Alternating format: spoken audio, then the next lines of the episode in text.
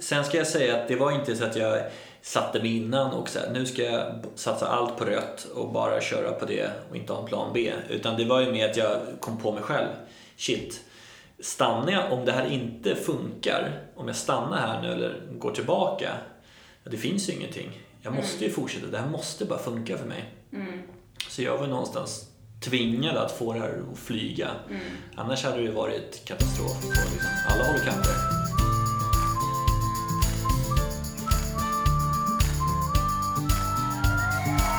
Låt dig smittas av glädje i podcasten som förgyller din dag.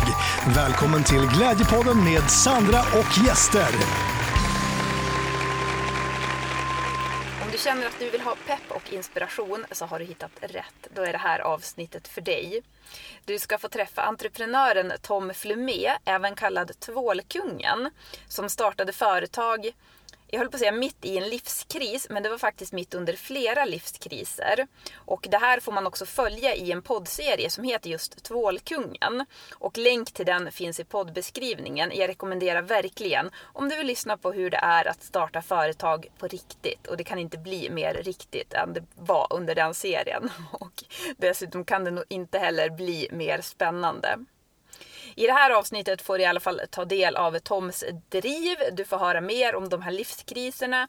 Och eh, du kommer känna att du kommer bli så peppad och ta tag i någonting när du har lyssnat på det här.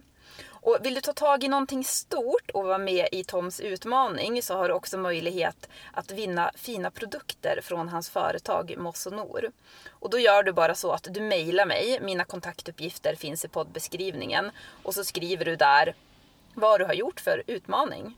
Känner du någon annan som du tänker skulle må bra av att lyssna på det här avsnittet så dela gärna det. Prenumerera gärna på den här podden om du inte redan gör det. Vill du bli Patreon-prenumerant och stötta podden och min vision om en hjärtligare värld och mer glädje så finns en länk i poddbeskrivningen. Då får du själv också mer glädje varje månad. Och vill du följa Glädjepodden via sociala medier så gör du det via Glädjefabriken. Med det sagt så kör vi nu och välkomnar veckans glada gäst. Välkommen till Glädjepodden Tom. Tack så mycket. Är du glad idag? Eh, jag är glad idag. Ja. Ja.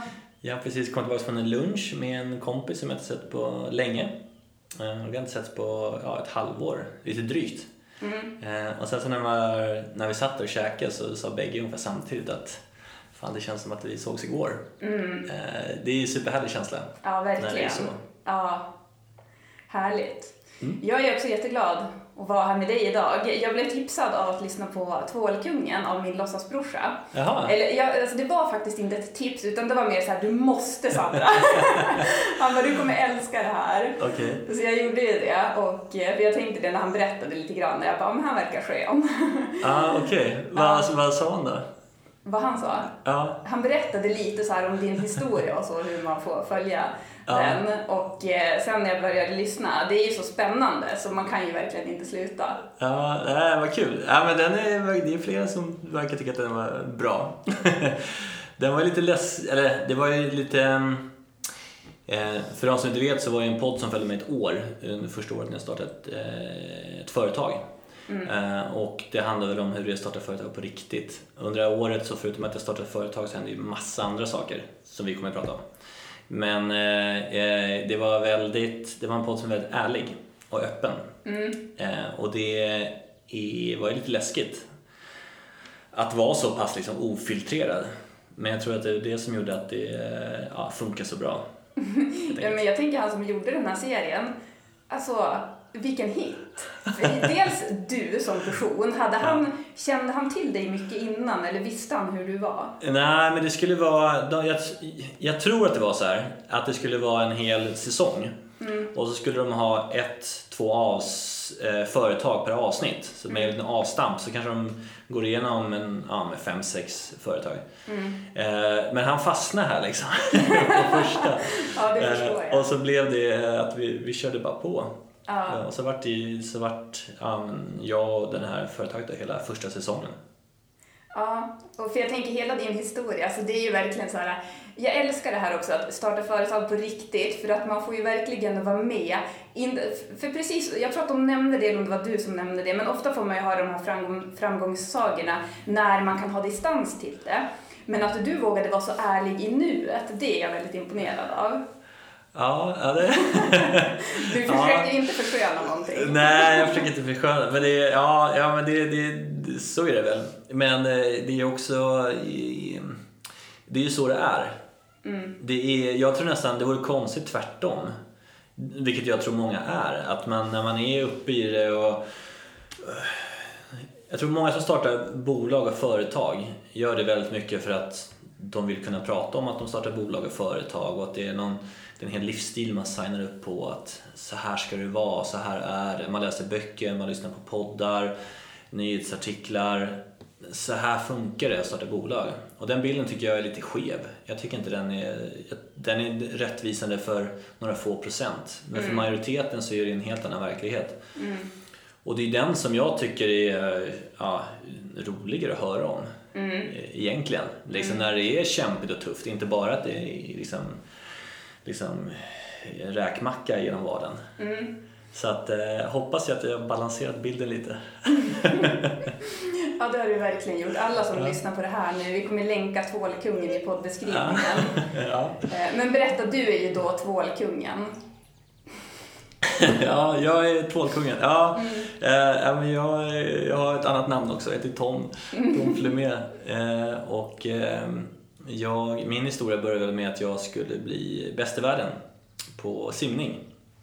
Så jag kommer från en familj där alla har idrottat och tränat och verkligen presterat. Min mamma var eh, sprinter med friidrott och liksom, hon, var, hon vann ju EM och var på OS och liksom verkligen jätteduktig. Men slutade väldigt tidigt. Så jag kommer från den träningsbakgrund, så började jag med simning, så höll jag på jättemycket med det. Och sen skulle jag bli bäst i världen. Eh, det blev jag inte, men jag var ändå uppe liksom och satsade seriöst. Eh, och sen så hamnade jag i någon typ av, jag vet inte, att så här, drev omkring liksom. Jag hade inte riktigt bestämt mig, jag hade ingen riktig riktning på det jag gjorde. Och sen så har jag jobbat mycket med försäljning och marknadsföring på olika ja, reklambyråer och olika digitala byråer. Och så nu kan man väl säga att, att liksom stjärnorna står i linje att, eh, för nu driver jag det här företaget och, eh, som har träningsanknytning. Så att nu möts de två värdena. Mm. Precis, hur kom du på det här med tvål då? Ja, så det jag gör nu är då hudvård för dig som tränar. Så tänkte jag om Nike hade gjort hudvårdsprodukter. För att all hudvård, vad jag känns som att det bara handlar om skönhet, att du ska bli vacker av dem. Eh, men hur jag kom på det här, det var att jag var, ja men jag tränar regelbundet. Jag, det här var när jag gick på gymmet så kom det en kille gående som jag verkligen så fastnade på för att han var så... Ja, det var sån show liksom. Mm. Han hade så här, all, han hade hela paketet. Han hade så här, supertajta funktionskläder. Jag tror de var helt vita. Han var så här, jättefixad, groomade håret och skägget och allting var liksom som han ville ha det. Mm. Så gick han runt med någon Nocco i handen, kollade sig själv i spegeln. Han gillade vad han såg. Men han visade inte utan han gick runt där. Jag tänkte bara vilken, vilken lirare. Mm. Sen hamnade vi av en tillfällighet samtidigt i omklädningsrummet. Och sen skulle då, eh, när jag klev upp in och duscha så packade han upp, det var proteinshakes, det var bars, det var dryck, det var liksom hur mycket som helst. Och sen när jag skulle duscha så drog han upp en flaska som hette Cherry Blossom Vanilla Touch eller något mm. liknande. Och då är jag bara, wow vad det inte passar in. Hela hans liksom koncept bara bröts där. Det bara föll. Mm. Så han mittemot då hade någon klocka liksom för, ja, det kostade skjortan, men en, en dubbeldusch. Och någon annan kille stod framför spegeln och höll på med en ansiktsprodukt och han var lite såhär, oh, han tyckte nästan lite genant, han visste inte vad han gjorde. Mm. Eh, så tänkte jag, här är någonting som, som, som är fel, som skaver. Och sen så började jag göra lite mer undersökningar, research på det här och började kolla hur det ser ut med varumärken då som riktar sig mot kvinnor mer. Och där är ju verkligen allting handlar om skönhet. Att det är produkter som du blir snygg av. Jag pratar mycket om föryngring och att du ska... Ja, det är väldigt mycket skönhetsdrivet. Eh, och så finns det någon skvätt som kanske är så här vårdande, omhändertagande. Men det finns ju inga varumärken, varken för män eller kvinnor, som handlar om träning. Mm. Som handlar om funktion och prestation. Eh, och varför finns det inget Nike inom hudvård? Så eh, ja, sagt och gjort. Men att ta steget att bli egen företagare, hur, var det enkelt för dig att ta det steget?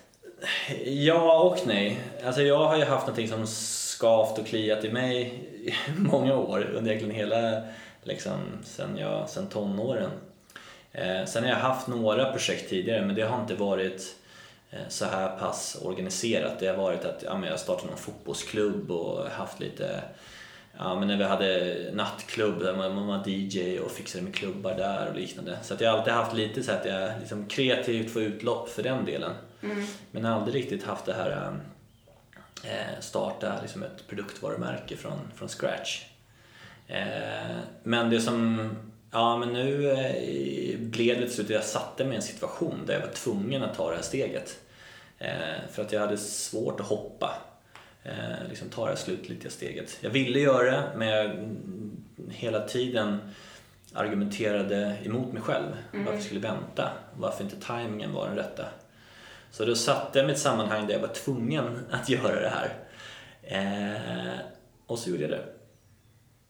Så att det, här sammanföll då med min, eh, jag har två barn och min äldsta son då kom hem från skolan och man märkte att han började tänka, han hade så här större frågor. Han frågade vem är pappa till Gud? Eh, vad finns bakom rymden? Och så hade han en fråga som han ställde någon, vardag jag stod och lagade mat. Så frågade han varför, varför jobbar du pappa? Och jag svarade lite snabbt att ja men för att få lön så att vi kan ja, betala hyran. Jaha, men eh, varför då? Så jag bara, ja men för att vi ska ha någonstans att bo och kunna köpa mat så vi kan äta och bli mätta och sådär. Jaha, tyckte han och så gick han iväg. Jag såg att han tänkte på det där.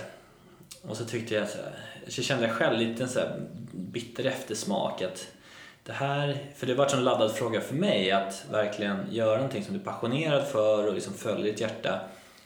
Och det är verkligen det jag vill lära ut. Ja, och som barn gör ju som en själv gör. Eh, och så gav jag då ett sånt himla lamt svar och stod där och bara liksom lagade någon pyttipanna eller vad det var. Så då kände jag, men så här kan det inte vara.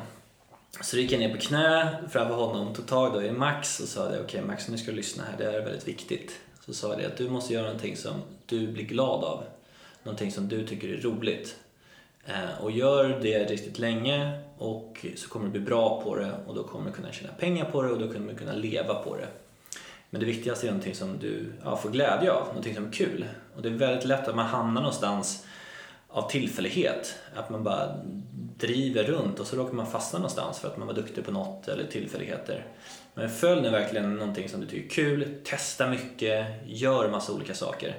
Så kommer det där ge sig med tiden. Men viktigast är att du följer ditt liksom, hjärta att det är någonting som är kul. Ja, och det gick ju över huvudet på en sexåring.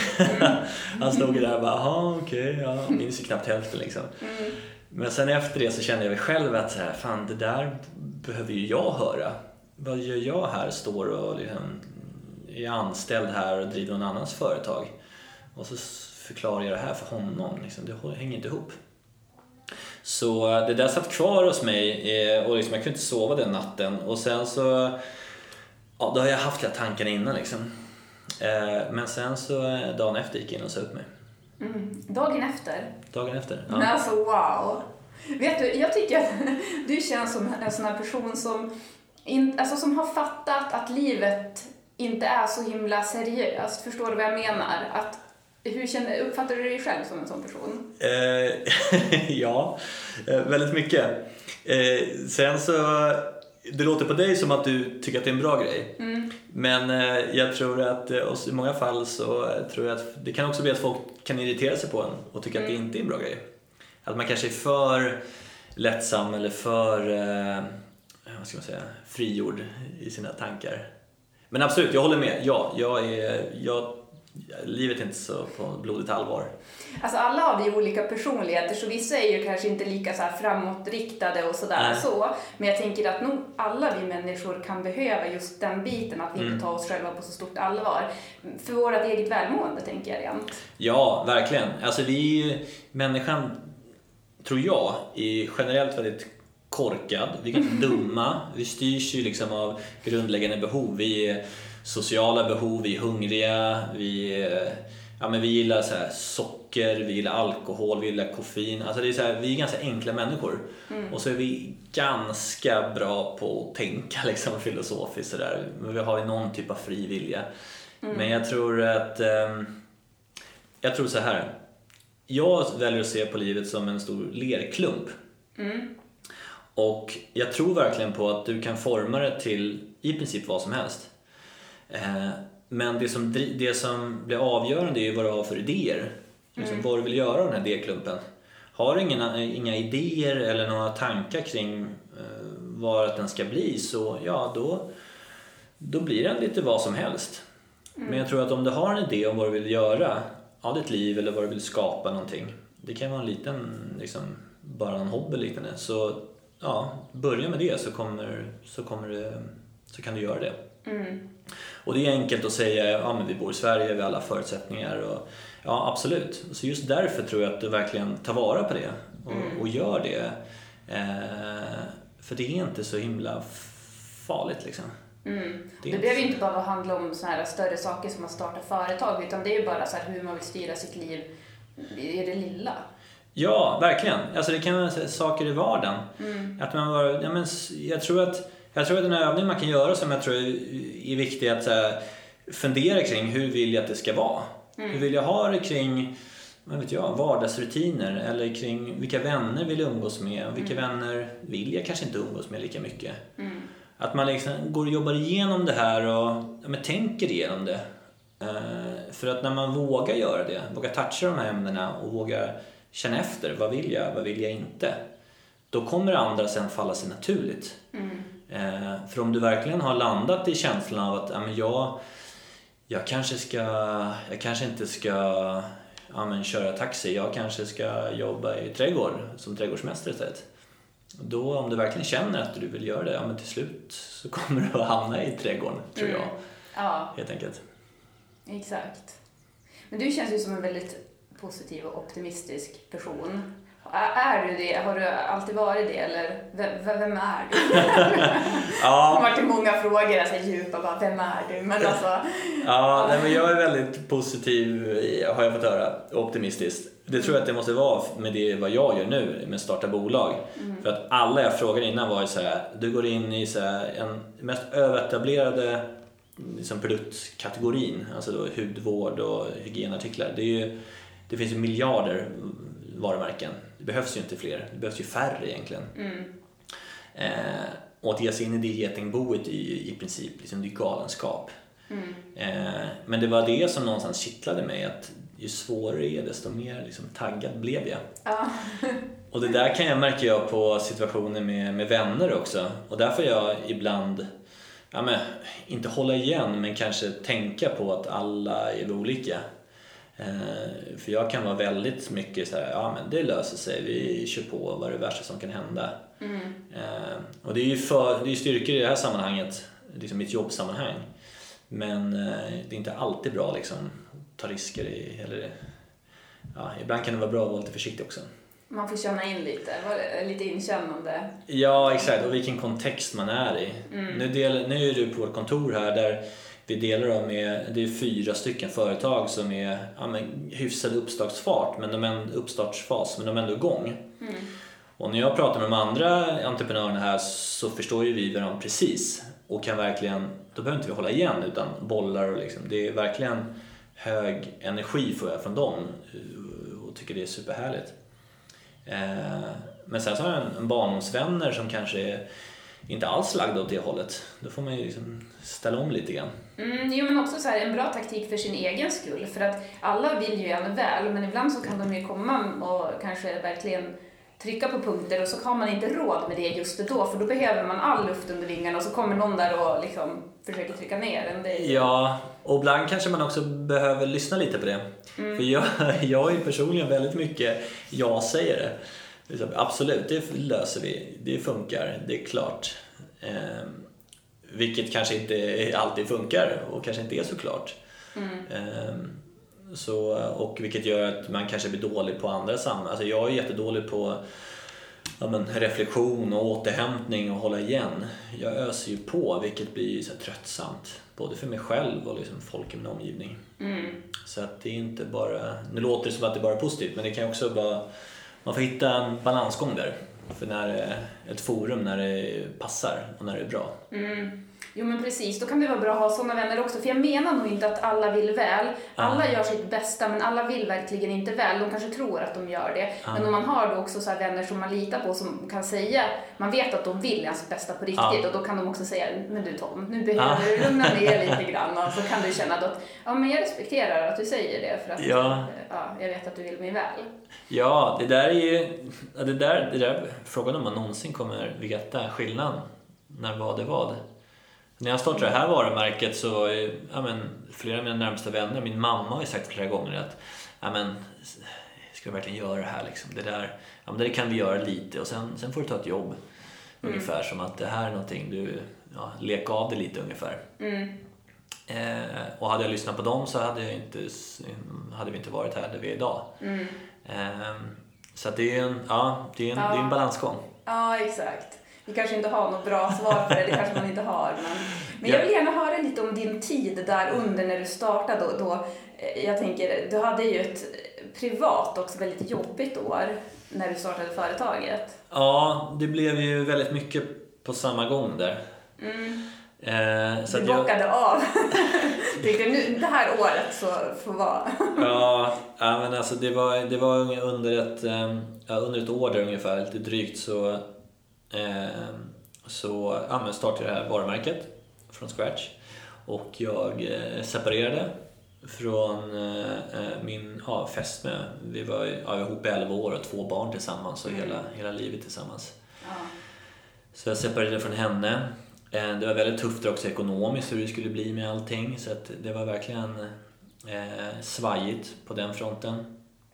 Eh, sen så hade jag en, eh, ja, en nära släkting som gick så här, min mormor som är jättenära mig som blev nästan tvångsomhändertagen då för demens. Hon ringde på natten och skrek och grät och jag skulle komma och hämta henne. Eh, ja, och sen så nära vännen, en av mina närmsta vänner fick missfall liksom jättesent upp i åldern och ringde, eller innan födseln eh, och var helt knäckt över det där. Så att jag hade ingenstans att bo där ett tag innan separationen gick igenom. Så att allt det här lyckades jag klämma in. Ja, just det. Min eh, pappa fick en cancerdiagnos också och eh, dog ganska snabbt därefter. Ja, eller ett tag därefter. Så allt det här var ungefär på ett år. Eh, vilket det var ju... Nu liksom i backspegeln så fattar jag inte hur jag pallade. Eh, men det jag gjorde då var ju att jag, ja, jag, jag körde på och liksom skruvade upp mig själv och vem jag är ännu mer. Och bara jajamensan, det här funkar och det här, jag ska lösa det här. Och det gjorde ju att jag kom igenom den här perioden.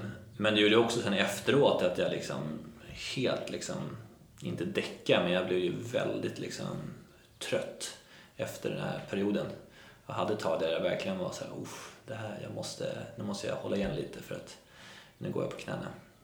Ja, för det var ju verkligen de här stora livskriserna du gick igenom. Det var inte några så här små grejer utan det var ju så här dödsfall och separation och bostadslöshet. Ja, Alltså, och så Ja. sen då all spänning i det här. Alltså jag förstår verkligen inte. Och det drivet man ändå hörde att du hade. Det var som att, jag, jag tyckte det var lite roligt när han frågade dig så här, ifall att du hade tänkt på att du skulle ge upp någon gång. Och så började du typ skratta då. Men det här med att inte ha en plan B. ja. Jag gillar verkligen det. Tror du att det är en framgångsfaktor? Ehm, ja, det funkade för mig. Eh, sen ska jag säga att det var inte så att jag satte mig innan och så här, nu ska jag satsa allt på rött och bara köra på det och inte ha en plan B. Utan det var ju mer att jag kom på mig själv. Shit, stannar jag, om det här inte funkar, om jag stannar här nu eller går tillbaka, det finns ju ingenting. Jag måste ju fortsätta, det här måste bara funka för mig. Så jag var någonstans tvingad att få det här att flyga. Annars hade det varit katastrof på liksom alla håll och kanter. Eh, så att för mig var det ju snarare blev en så överlevnadsinstinkt att okej, nu, jag måste det här måste bara funka. Mm.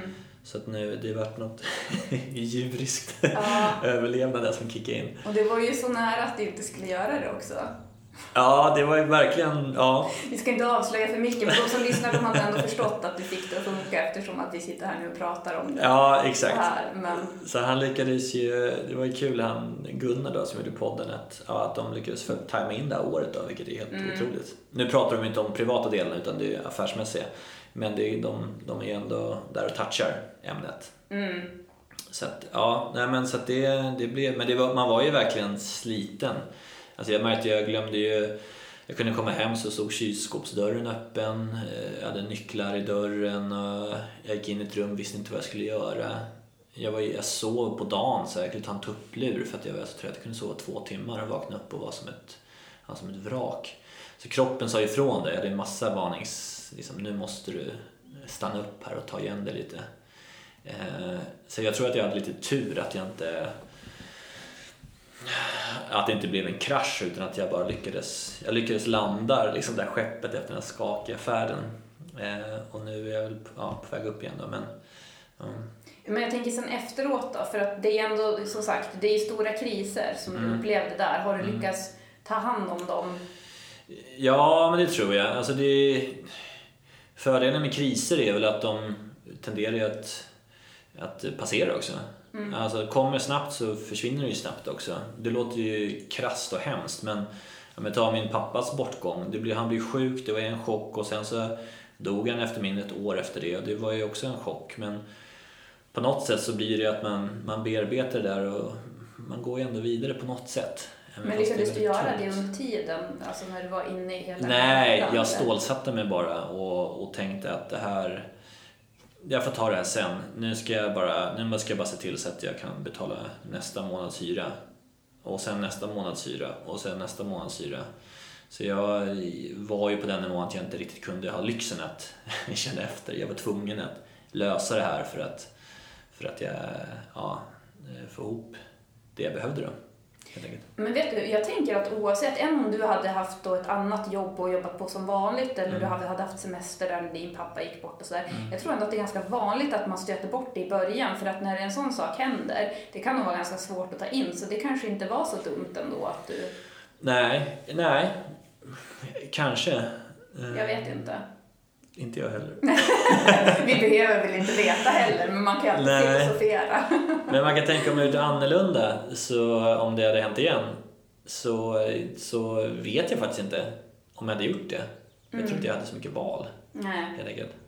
Jag kanske inte hade gjort allting samtidigt då. Nej. Eh, Utan jag kanske möjligtvis liksom, att man kanske hade hållit isär lite mer på något sätt. Mm. Ja, om det går, jag vet inte. Nej. Eh, mm. Men om vi då går in till det mera positiva. Ja. Men nya Nike då inom kroppsvård, vad är det som driver dig till det? Ja, alltså jag vill ju... När jag menar Nike inom hudvård så handlar det om att både... Ja men vad produkten handlar om, att det är funktion. Att det, är- det är inte... Ja men vi kan jämföra med kläder eller skor till exempel. Det finns ju... Ja, folk har ju liksom sneakers. Eller när man skor när man ska jogga. Eh, eh, sen, men det finns ju inom hudvård. Hudvård handlar alltid. Det finns högklackat eller skinnskor eller liknande. Eh, men det finns ju inte sneakers. Det finns liksom inte joggingskor med hudvård. Och det är jättemärkligt för att vi tränar i vår vardag. Det är ju någonting som är jätteviktigt för oss som mår bra. Så att därför är det ju intressant att kunna jämföra med Nike. Sen är också tanken att bygga ett jättestort bolag. Alltså vi ska ju bli stora som Nike. Så det här är ett miljardbolag som växer fram. Eh, Så börjar vi med liksom en produkt, nu har vi fyra, om en månad har vi fem produkter. Och nu har vi, liksom, nu har vi fått igång det. Eh, Så nu är liksom Sverige vår hemmamarknad, nu är det Norge som är nästa marknad och går jättebra. Eh, Och nu så kommer vi gå in i Tyskland sen och jobba mot tyska marknaden. Så det är bit för bit så, ja, så bygger vi det här nya Nike. Men vad härligt, men vad är det i dig som gör att du har just det drivet? Varför ska det bli just så nya Nike? Vad, det, vad går du igång på när det gäller att bygga ett sånt stort bolag? Ehm, ja, men jag tror att jag är mm, hybris, nummer ett. Eh, nummer två är att jag gillar, som jag är tävlingsmänniska. Jag tycker det är kul att tävla och Mm. får en kick av det. Det går så långt tror jag så att jag har nästan svårt att motivera mig om det inte finns. Jag måste alltid hitta någon att tävla mot, liksom, Mm. någon motståndare på något sätt. Eh, För att verkligen kunna motivera mig. Eh, Och sen så tror jag att jag har någon typ av, ja men det ska vara, jag gillar när det är svårt. Mm. Jag vet inte varför, var det kommer ifrån. Men ju svårare det är desto, desto mer liksom stimulerar tycker jag att det är kul. Mm. Så att Nike blir världens främsta bolag, eller varumärke. Eh, eh, alla har ju en relation och åsikt om det. Eh, så ja, varför inte sikta högt? Nej men precis, då får du hålla på med simningen fast på ett annat sätt nu. Ja, lite grann så. Ja, och när är det här målet uppnått då? Ja, det är väl uppnått inom min livstid i alla fall. Så att eh, säg att vi kommer kommit en bra bit på eh, ja, 15-20 år. Mm. Eh, så att, eh, ja. Om, om vi är nu 15 år framåt i tiden Mm. och du är där, ja. eh, vad, vad är ditt mål då? Eh, oj, det är en bra fråga. Jag har inte tänkt så långt. Jag har ingen plan B. Nej. Fantastiskt. Och det är ju verkligen inte meningen att man ska kanske tänka så långt heller. Du kommer ju ha ett nytt mål då. Ja, Men eh, det är ju svårt att veta nu. Men det hade varit intressant att bara leka med tanken vad det skulle Ja, nej, men jag, har, jag, har, jag gillar att sätta mål. Eh, men då, eh, så det är som i företagande såklart att du måste ha mål för att du måste ju ha en ambition av vad du ska göra och vart du ska och ha en riktning. Så att då sätter man ju mål. Men de är lite närmre än 15 år. Eh, Men sen så har jag livsmål som vad jag vill åstadkomma och hur jag vill bygga mitt liv. Den här degklumpen, hur vill jag forma den? Hur skulle den se ut? Så där har jag en massa saker som jag vill åstadkomma. Eh, Om din degklump, om, du, om det skulle vara ett föremål, precis vad som helst, vad skulle det vara för föremål då? Alltså ditt liv, degklumpen. Det har varit en jättekonstig fråga, men jag men tycker att det ska vara ja, kul. ja, men det är spännande. Men jag tror, jag tror att ja, men det skulle vara ett, eh, ett, eh, slott i lego. Mm, Som, hade, som ett barn har gjort som egentligen inte hänger ihop. Utan det är byggt på, så olika infall så bygger man vidare. Så det är inte så här snyggt slott du köper i butik och sen när du är klar ser det ut så här. Utan det är ett slott som inte sitter ihop, som är Eh, ja, men helt plötsligt har det växt åt det, det hållet, sen sticker det ut någonting här och så är det en ny färg. Och så, det är nog ganska spretigt tror jag. Men det är ändå ett, ett slott. Och det är, jag tror att de här legobitarna tror jag livet handlar om. Att man, man har små, små saker du gör och, och kallar det för ja, ambition eller prestation eller mål eller ja, handlingar. Liksom det, det blir någonting liksom, av helheten. Eh, och det tror jag att man uh, ska ta på allvar och inte förringa. Att, att man kan verkligen påverka hur man vill, hur man vill ha ens liv och vad man vill, vill, ja, vill att det ska vara. Jag gillar slottet. Det ser väldigt roligt ut. Jag skulle vilja gå där. Ja, ja, det, ja, vi får se hur det ser ut om 20 år.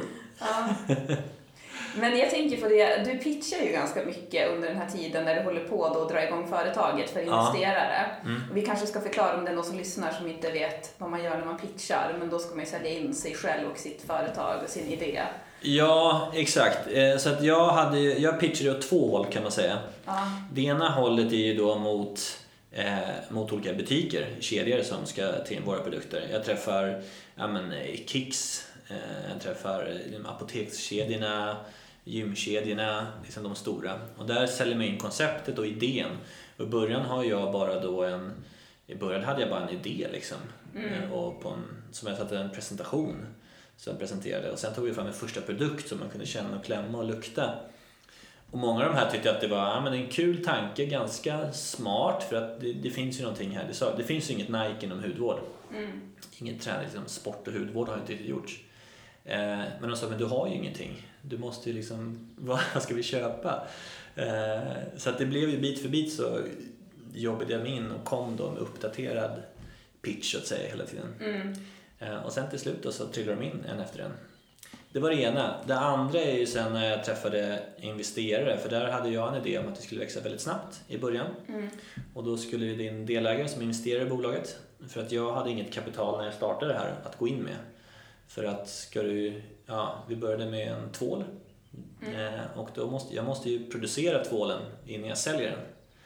Eh, och då måste jag ju ja, men, köpa, och för att det inte ska bli dyrt måste jag köpa stora volymer. Så att det blir hönan och ägget där, så jag måste ju köpa först och sen eh, innan jag kan sälja. Vilket gör att jag behöver mycket kapital, mycket pengar för att komma igång. Bara för att få bollen i rullning. Eh, och sen ovanpå det ska vi marknadsföra produkterna och det ska ju, ja, eh, företaget ska vara levande innan det har kommit igång. Och det tar lite tid. Så där behövdes det pengar för att, eh, för att då finansiera den här planen framåt. Eh, Så det, där var jag runt och träffade olika investerare. Allt ifrån privatpersoner som är då lite mer affärsänglar som har gjort sig en hacka och då, ja, satsar på folk de tror på eller idéer. Sen finns det professionella investerare som har det som yrke, som har det som, ja, som affärsidé. Att de eh, ja, investerar i olika ja, företag. Eh, och sen så annat löst folk som man springer på. Som eh, gillar idén eller som eh, ja, sitter på pengar de inte vet vad de ska göra av.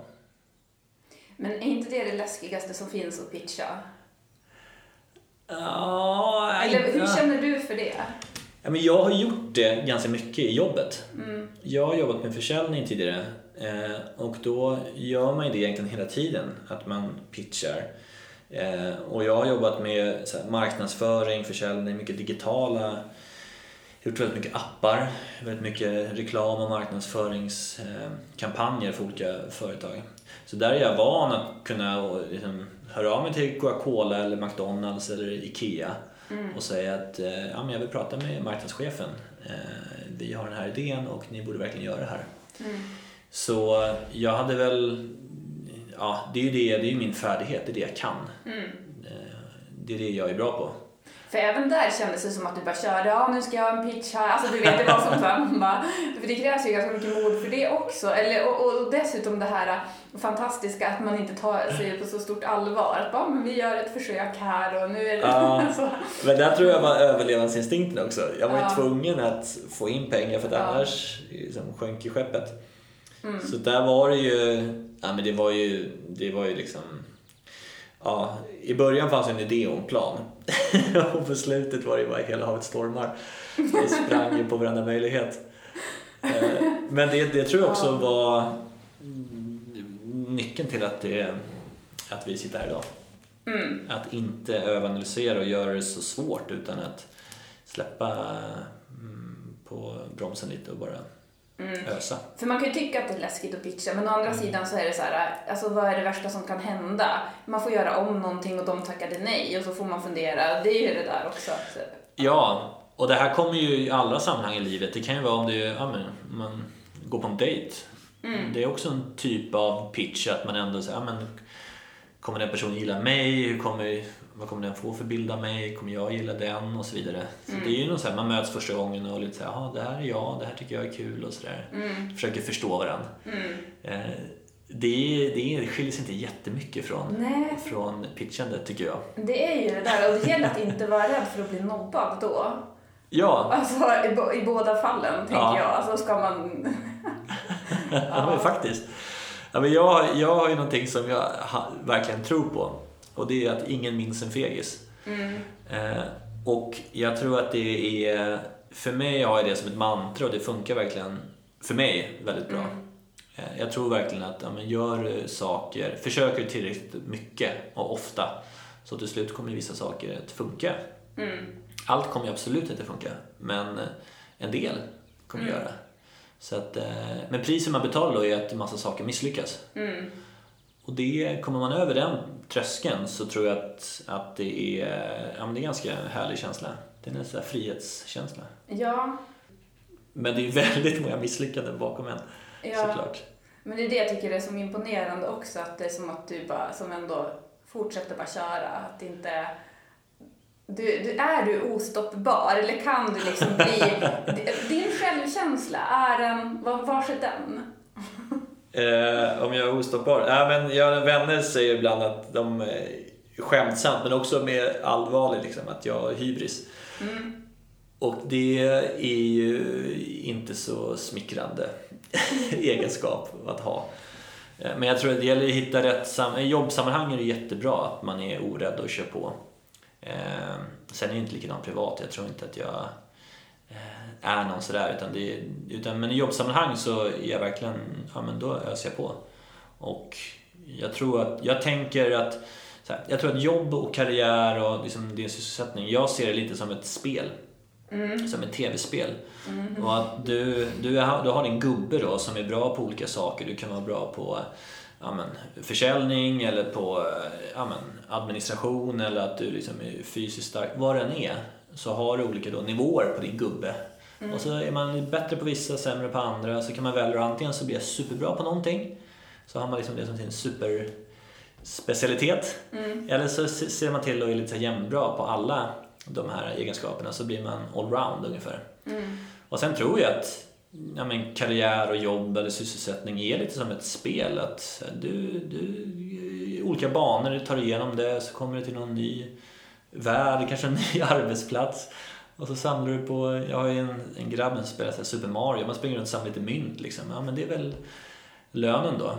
Eh, och så har man ett uppdrag man ska lösa, lite klurigt ibland och ibland är det bara kul och ibland är det skitsvårt så blir man jätteirriterad. Det är så du får förklara för honom nu.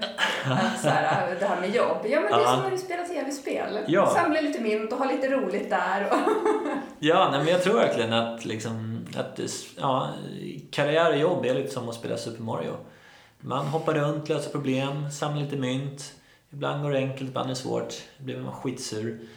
Men det är det som gör det kul också. För det är inte kul att spela någonting där det bara flyter på. Och går det helt åt helvete så ja, men då, då kastar man kontrollen i golvet och går därifrån.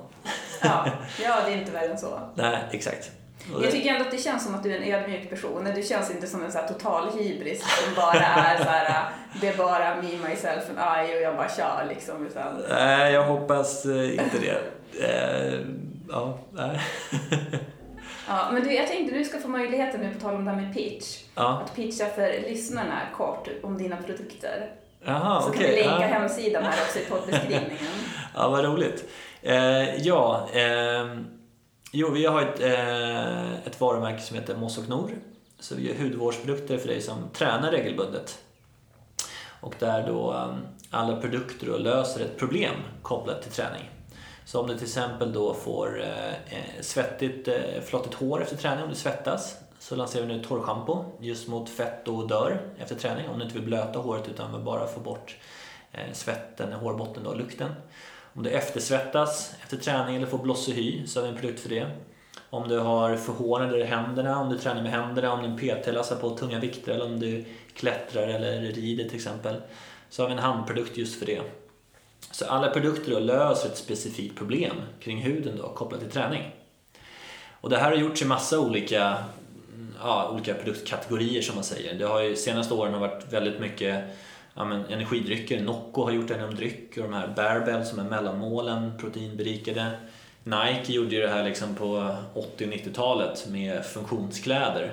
Att man sprang då, ja men de uppfann ju typ eh, liksom löpings, löparskon. Eh, så det här har ju skett i kategori för kategori. Eh, men det har inte gjorts i hudvård ännu. Vilket är rätt märkligt för det är ändå en, ja, liksom en av de största eh, konsumentkategorierna.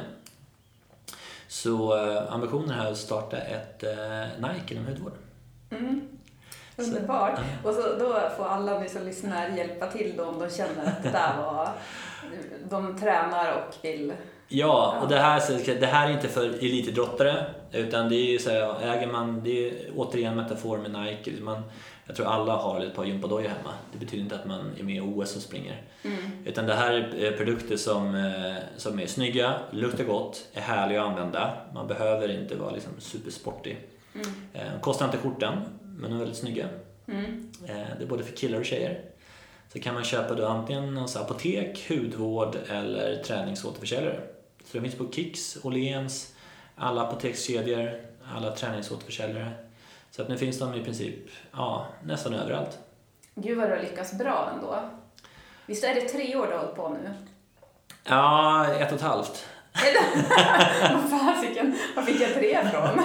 Ja, men vi, hade, vi lanserade, vi hade en testprodukt ute eh, 2019 men det var med att vi bara då tog med till möten och sådär. Eh, och sen lanserade vi då i våren 2020, mitt i coronan. Eh, Kanon. På tal om, alltså du prickade som allt så här. Ja, just det. Förstå Ja. vilken utförsbacke du kommer ha sen då. Ja. Just det, pandemin glömde jag nämna. Apropå dåliga saker som hände. Ja. Ehm, och sen så alltså, lanserade våren då 2020. Mm, Ehm, och nu så är det ju sensommar 2021. mm, just det. Så att ja, vi... Ja. Ja, precis. Jag tänkte på det där året innan, men då hade du som inte... Ja. Eh, Jag började ju med att hålla på med det men sen när vi liksom hade färdiga produkter och kunde sälja och, och finnas ute i handeln och det var ju ja, det var ju våren 2021. Nej, våren 2020. ja, alltså jag blir så peppad och inspirerad och glad av att vara här. Ja, Eh, vi ska ta några avslutningsfrågor här nu, som Ja. de flesta brukar få. Och Då tänkte jag först fråga, när känner du dig som mest levande? Alltså jag känner mig som mest levande när jag gör som minst. Mm. Alltså när jag... När min Det var ändå ett otippat svar. Ja, ja, för att jag... Om man lyssnar på det här så jag är ju så här, gör och göra-mannen. Men jag mår nästan som bäst när jag inte... När hjärnan står stilla och jag gör någonting väldigt eh, lugnt och stillsamt. Mm. Till exempel när jag fiskar. Eller när jag tränar. Tycker jag är väldigt skönt. att vara ute och bara springa i skogen. Eh, när jag då ja, men, samlar tankarna lite. Mm. Eh, det mår jag väldigt, väldigt bra av. Vad är det bästa med att vara du? Det bästa med att vara mig är att eh, det finns inga nej. det är bara ja, ja, ja. Eh, det, är man lagd åt det hållet så är det ju superhärligt. Man ser möjligheter i allt. Så det, det är en bra grej. Mm. Har du någon glädjeutmaning till lyssnarna? Vi brukar köra en glädjeutmaning under en veckas tid. Ja, eh, jag tror att man ska våga göra saker som är obekvämt för en själv. Eh, Men som man tänker att det här kommer jag må bra av. Eh, Och det kan vara någon liten skitsak men vad händer om man gör någon stor grej? Det vore kul att säga men det här har jag alltid tänkt, det här har jag inte gjort för att jag inte har vågat eller velat. Eh, Men, eh, och då får man tipset, gör något litet, börja med något smått. Då säger jag tvärtom, börja med något stort istället. Men alltså jag älskar att du säger det för att jag har en stor sak som jag har gått och dragit lite på som jag vet att jag ska göra. Ja, Ja, nu måste jag göra det. testa. Ja, Så se vad som händer. Det värsta som händer är att, du, liksom, att det inte blir bra. Eller att du får ett nej eller att det inte funkar. mm. Jaha, det är inte hela världen. Nej. Och nu säger jag inte att du ska liksom gå och satsa alla pengar du har på eh, Harry Boy liksom. Utan det ska ju vara någonting som är vettigt ändå. Ja. Men eh, någonting som du kanske tänker att det här borde jag gjort men inte gjort. Eh, ja, men Det tar var inte den grejen jag hade i huvudet. Men, Bra. ja. Nej men vilken jättebra utmaning. Vi ska satsa stort den här veckan. Satsa stort, ja. Ingen minns en fegis. Ja, exakt.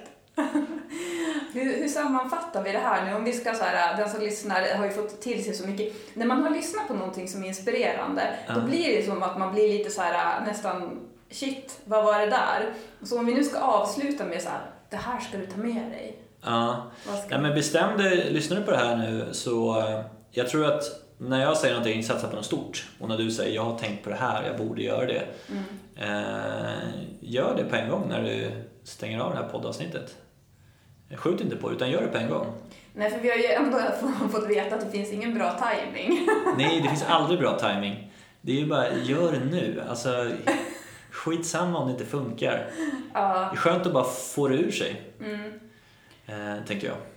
Mm. Jo, men precis. Och jag tänker att det är självrespekt att göra det också oavsett vad utfallet blir. Blir ett Ja. så kallat misslyckande eller ett nej eller vad det än blir så är det ändå självrespekt att göra det man känner att man vill göra. Och det Ja. tycker jag är viktigt. Ja, verkligen. Mm. Du formulerar bättre än mig. Jag tyckte vi gjorde det bra tillsammans. Tack. ja, men eh, har du något du vill tillägga? Är det någonting jag har glömt att fråga dig? Eh, nej, det känns som jag babblar på här eh, rätt bra. Eh, men nej, det är väl att om man är på jakt efter en bra deodorant så kan man testa vår. Mm. Eh, det blir ju utsedd här till eh, Sveriges bästa deodorant Mm. av Bäst i test. Så att vi är den Ja. enda som fick högsta betyg där. Så att vill man testa Sveriges bästa deodorant så klicka hem så får vi se Mm. vad ni tycker. Det vore kul att höra vad ni tycker framförallt. Ja. Som sagt, hemsidan är i poddbeskrivningen och om man vill Ja. följa dig, har du några sociala medier? Ja, man kan följa mig antingen på, vill man lite mer privat så gör man det på eh, Instagram där det är Tom Flumé. Och det är Tom, T-O-M och så efternamnet kan jag Vi bokstavera. lägger det också i Ni poddbeskrivningen. lägger det? Ja, bra. Ja, Och, eller på LinkedIn om man vill följa mer jobb karriärsmässigt. ja just det. Men på de två är Det jag vet man aktiv. ju. Ja. Så eh, ja, där kan man följa med. Ja. ja, men vad roligt. Tack så jättemycket. Ja, tack. Det var kul att vara här. Mm, nu hoppas vi att det är många som går ut och bara satsar på stordåd och misslyckas eller lyckas eller vad man nu än gör för Ja, någonting. och det är egentligen skitsamma. Det här handlar inte om att, att du måste lyckas. Det är inte det jag menar med utmaningen, utan det här är mer bara, gör det. Ja, Få det gjort, få det ur dig. Du formulerar det bra, att, ja, men bara att du har lovat dig själv nu, nu gör jag det här. Mm, Skjut inte på det mer. mm, Eh, för att det är så jäkla skönt, bara få det gjort. mm. Och då när du har gjort det, ja, men då stryker du det från listan så tar du det som nummer två. Och då kommer det gå bara farten. Och sen tar du nummer tre och sen får du fart på det. Mm. Nu kör vi. Nu kör vi!